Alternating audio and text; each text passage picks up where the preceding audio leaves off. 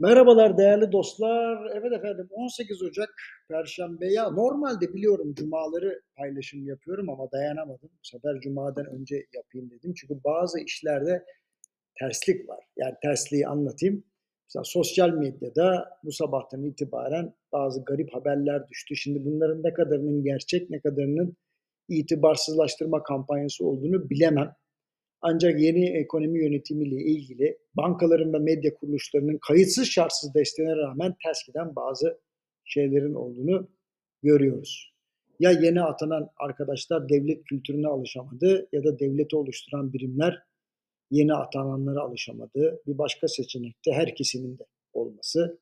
Yani devleti oluşturan birimler alışamadığı gibi yeni atananlar da devlet kültürüne belki de alışamadı bilmiyorum. Şimdi özel sektör temsilcilerinden öğrendiğimiz kadarıyla Merkez Bankası kurmayları reel sektörün tamamına öyle bir destek verme havasında değil, en doğrusunu kendilerinin bildiğini düşünüyor. E, hatta geçenlerde bir e, sivil toplum kuruluşuyla yani meslek kuruluşuyla görüştüm çünkü onlar Merkez Bankası kurmaylarıyla pek yakında bir görüşme yapmışlardı. E, dediler ki ya öyle bildiğiniz gibi değil yani her şeyi onlar biliyor falan gibi konuşuyorlar.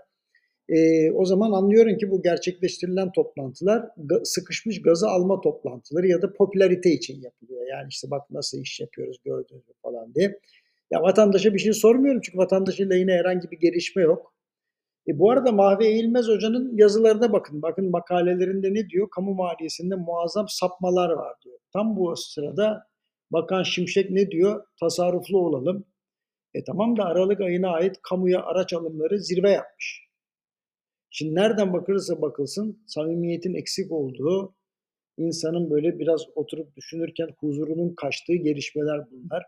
Yıllar önce Naci Abal Merkez Bankası Başkanı'ydı. Bir kere çağırdı beni hocalarla beraber. Ben de kendisine bir cümle söyledim. Siyasi kararların piyasalara negatif yansımasını hafifletme gibi bir göreviniz yok dedi. Şimdi tabii ben de bazen patavatsızlığım tutuyor. Yani ne yaptığını bilen insanlara bildiklerini söylemek belki gereksiz ama söyledim. Fakat Naci Bey hakikaten görevinin gereğini yaptı ve süreci tam doğru yönetirken görevinden alındı.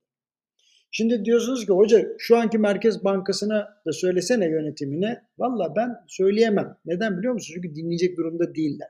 Sen Naci Bey çağırıp dinliyordu. E, ve farklı eğilimlerdeki iktisat e, uzmanlarını çağırıyordu.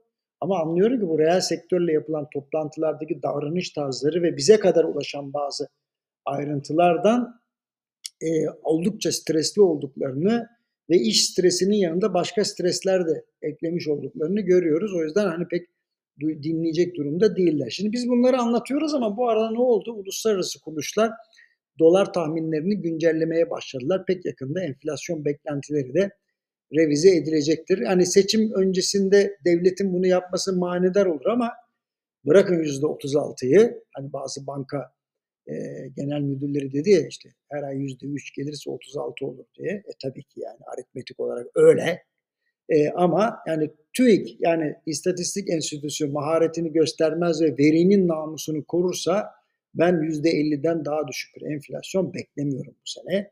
Eğer Merkez Bankası yönetimi düşmeyen enflasyona rağmen bir de faizleri indirmeye kalkarsa her şey sil baştan olur. O yüzden süreci dikkatli izlemekte fayda var efendim. Şimdiden iyi hafta sonları diliyorum. Sağ olun, var